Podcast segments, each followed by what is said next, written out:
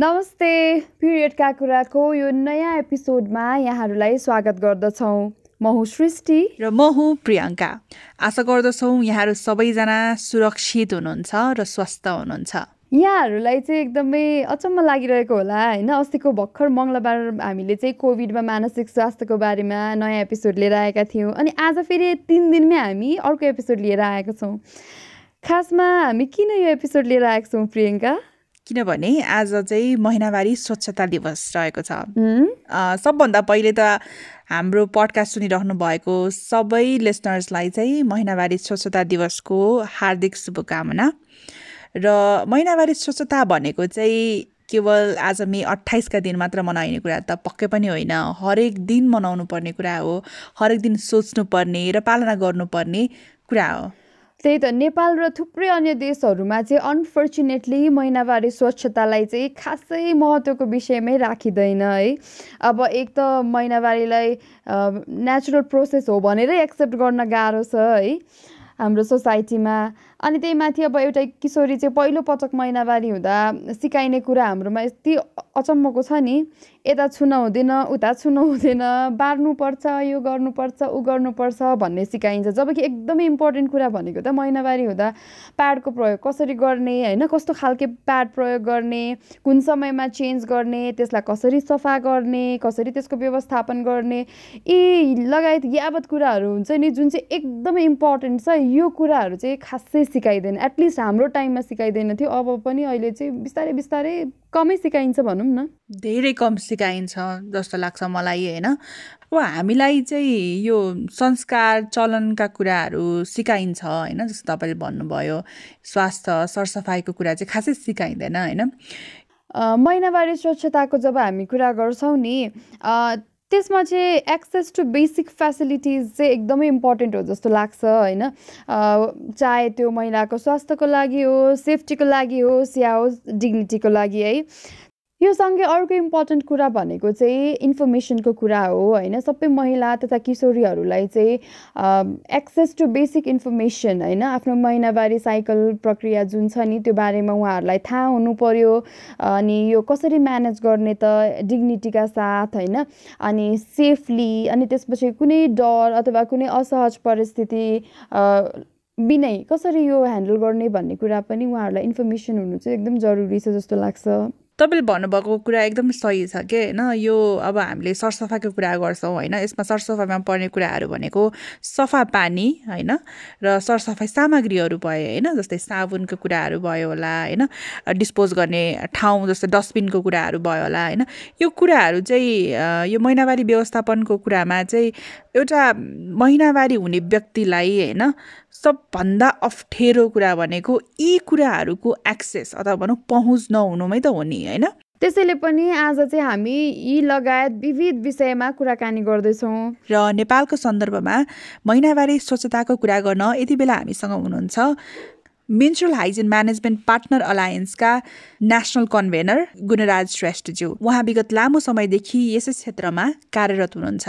र एमएचएम अलायन्सको कुरा गर्नु पर्दाखेरि मेन्सुरल हाइजिन म्यानेजमेन्ट पार्टनर अलायन्समा चाहिँ नेपालका करिब अस्सी सङ्घ संस्थाहरू छन् जसले मर्यादित महिनावारीका नीति तथा कार्यक्रम लगायत महिनावारीका विभिन्न जनचेतनामूलक कार्यक्रमहरू गर्दै आएको छ।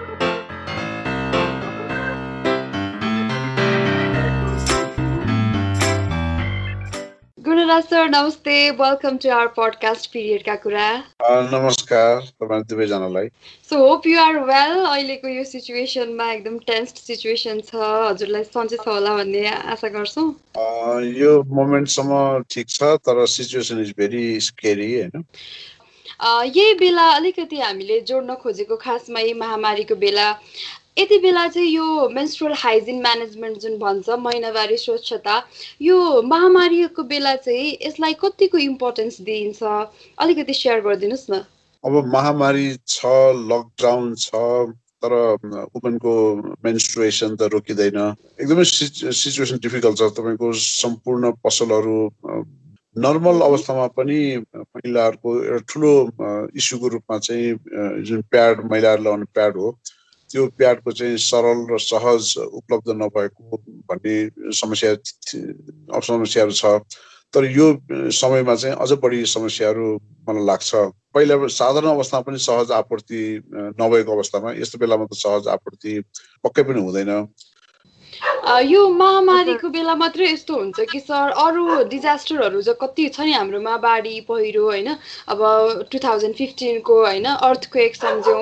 यो बेला चाहिँ यो महिनावारी स्वच्छतालाई कतिको महत्त्व दिन्छ? अब सरकारले भनौँ अथवा लोकल लेभलमा भनौँ कतिको महत्त्व पाउँछ यो विषयले?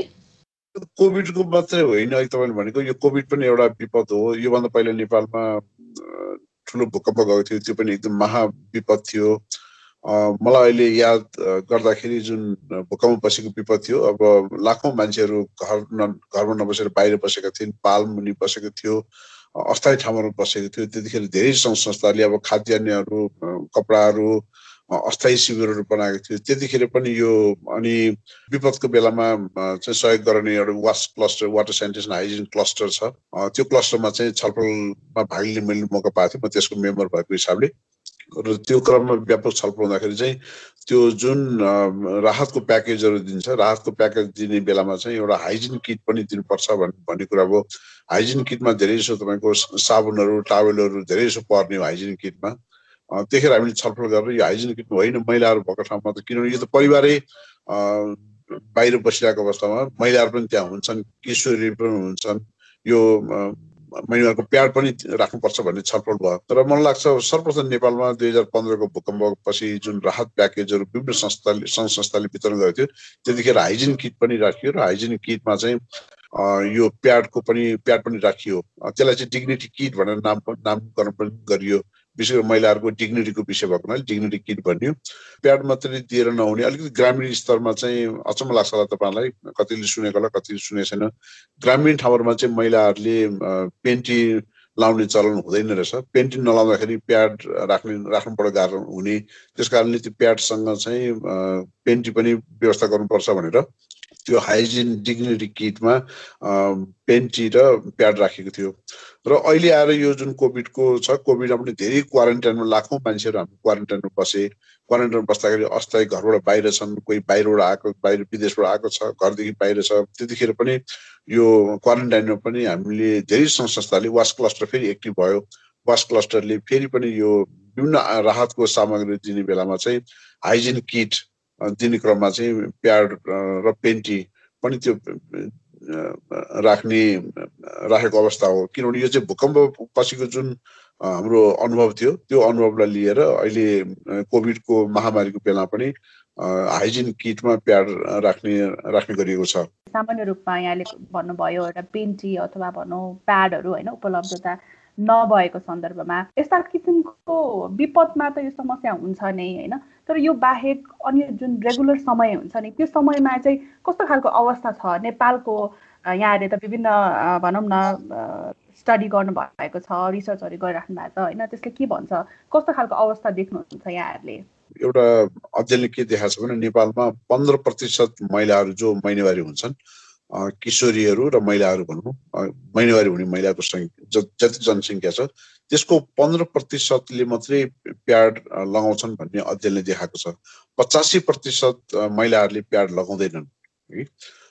त्यो पचासी प्रतिशत महिलाहरूले चाहिँ प्याडको सट्टामा स्थानीय रूपमा जुन कटन सुतीको कपडाहरू हो अथवा स्थानीय रूपमा अरू पनि अरू सामग्री प्रयोग गर्छन् प्याड प्याड चाहिँ प्रयोग गर्दैन।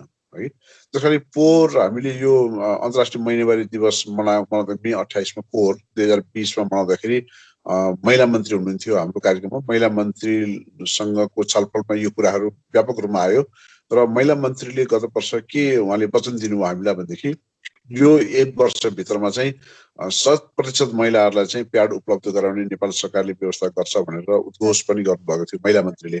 तर त्यसको केही समयपछि यो महामारी आएको हुनाले त्यो नेपाल सरकारले गर्न सकेको अवस्था छैन। तर संक्षेपमा भन्नुपर्दाखेरि तपाईँको ठुलो सङ्ख्यामा पचासी प्रतिशत महिला महिलाहरू यो प्याडको पहुँचभन्दा बाहिर छन् नेपालमा। हजुरले जुन यो सरकारले गरेको कमिटमेन्टको कुरा गर्नुभयो होइन तर एउटा जस महामारीको कारणले रोकिएको भन्ने कुरा छ एक वर्ष भइसक्यो त्यसमा कुनै कामहरू सुरु भइसकेको छ अथवा केही कामहरू चाहिँ भइरहेको छ कि छैन होला? अरू नेपाल सरकारले अरू गर्न सकेको छैन। जुन वचन दिएको थियो त्यो गर्न सकेको छैन। हजुर। अब मलाई यसमै जोड्न मन लागेको विद्यालयमा प्याड बाँड्ने कुरा एउटा प्लान गरिएको थियो। कोभिडको कारण विद्यालयहरू बन्द छन् र त्यो बाँड्न पाइएको छैन। तर कोभिड भए पनि नभए पनि यहाँले अघि पनि भनिसक्नुभयो महिनावारी त सबैजना हुन्छन्। जो महिनावारी हुने व्यक्तिहरू हुनुहुन्छ होइन? यो सन्दर्भमा अब जस्तै सरकारसँगको समन्वयमा होस् अथवा यहाँहरूले आफै अलायन्सकै मार्फतबाट चाहिँ अहिलेसम्म यहाँले अघि अघि जोड्नु त भयो डिग्निटी किट होइन महिनावारी हुँदाखेरि प्रयोग गर्ने सामग्रीहरू चाहिँ वितरण भइरहेको छ भन्नुभयो हामीसँग यकिन केही यस्तो केही डेटा छ हामीले कतिजना व्यक्तिहरू समक्ष पुगिसक्यौँ कति कति सङ्ख्यामा चाहिँ हामीले अहिलेसम्म सहयोग गर्न सकेका छौँ त्यो तथ्याङ्क त पक्कै पनि हुनुपर्छ वास क्लस्टर ग्रुपसँग।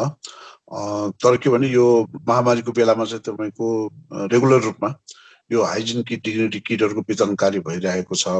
यो चाहिँ अब महामारीको बेलामा नेपालभरि नै आवश्यक छ नेपालभरिको नै वितरण भइरहेको। तर यो जुन पहिलो वेब कोभिडको भएको थियो त्यतिखेर चाहिँ देशभरि हजारौँ मात्रामा चाहिँ क्वारेन्टाइनहरूको व्यवस्था गरिएको थियो त्यो क्वारेन्टाइनमा हाइजिन किट डिग्निटी किटहरू किटहरू वितरण भएको थियो। र मलाई लाग्छ त्यो बेलामा करिब करिब एक लाख जति एक लाख सेट एक लाख सेट प्याड वितरण भएको मलाई जस्तो लाग्छ। तर यो तथ्याङ्क वास क्लस्टरसँग छ तर त्यसको करिब करिब एक लाखको हाराहारीमा चाहिँ वितरण भएको मलाई लाग्छ। यो पहिलो वेभमा तर दोस्रो वेभ जुन अहिले कोभिडको भएको छ त्यसमा क्वारेन्टाइनको व्यवस्था नगरेको हुनाले अहिले चाहिँ वितरण कार्य त्यति सान्दर्भिक भएको छैन। त्यही त अघि सरले पनि जोड्नु भएको थियो नि खासमा हाम्रो कति धेरै प्रोग्रामहरू लन्च हुन्छ होइन? गभर्मेन्टको साइडबाट एकदमै ठुलो ठुलो कमिटमेन्टहरू हुन्छ। तर इम्प्लिमेन्टेसनको पार्ट चाहिँ एकदमै पुवर छ कि अनफर्चुनेटली हजुरलाई कस्तो लाग्छ यो यो टाइममा अहिले हजुरले काम गरिरहेको टाइममा? कतिको इम्प्लिमेन्ट भएको छ? अनाउन्स गरेको प्रोग्राम्सहरू?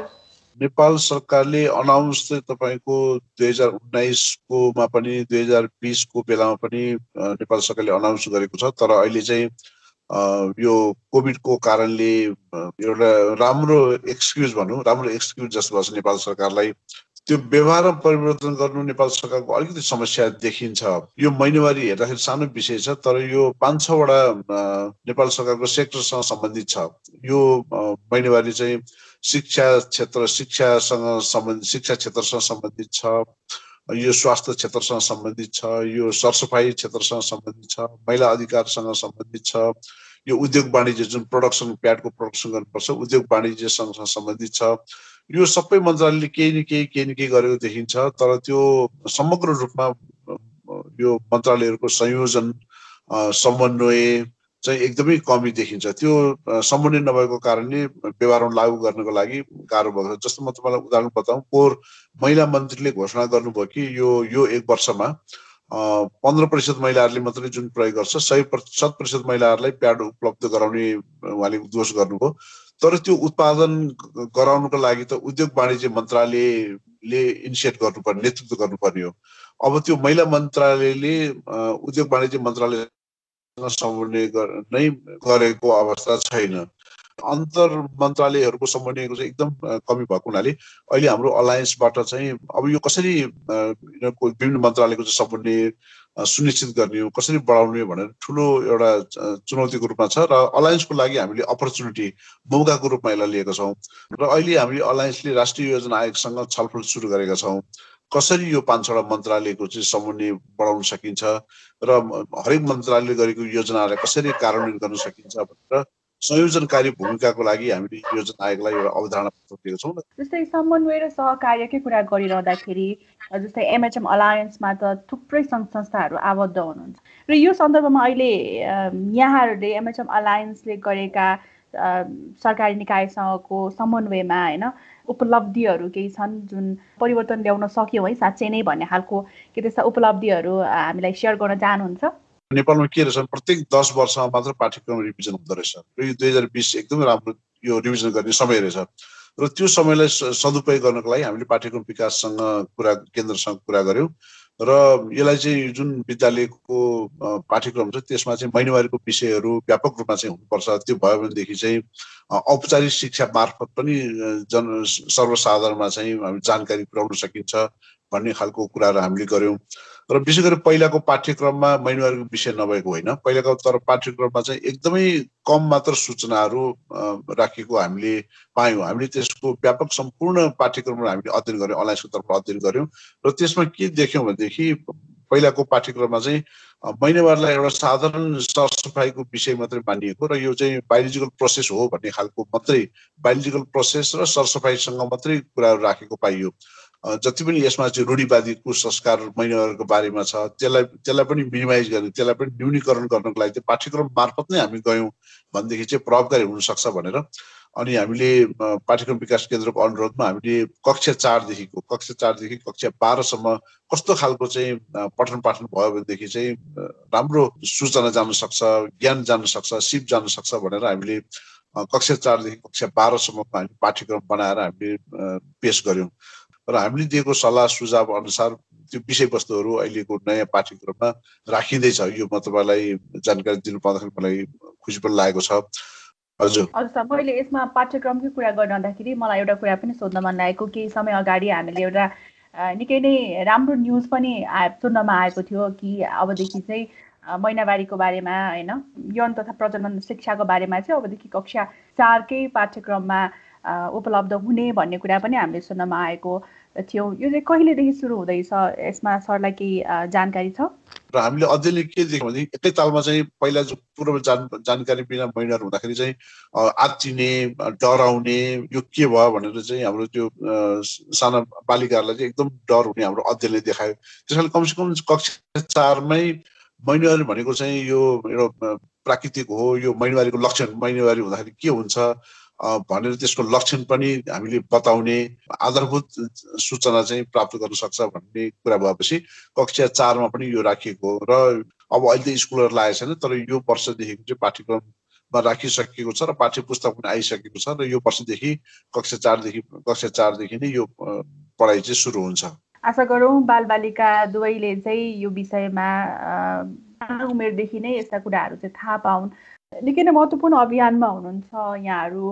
र आशा गरौँ यहाँहरूको अभियानले चाहिँ सफलता हासिल गर्नेछ र महिनावारी स्वच्छताको विषयमा जुन कुरालाई चाहिँ इग्नोर गरिन्छ हाम्रो समाजमा यो कुरालाई चाहिँ हरेक घरले हरेक व्यक्तिले चाहिँ महत्त्व दिनुहुनेछ।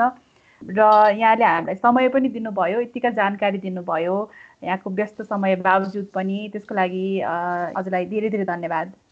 धन्यवाद।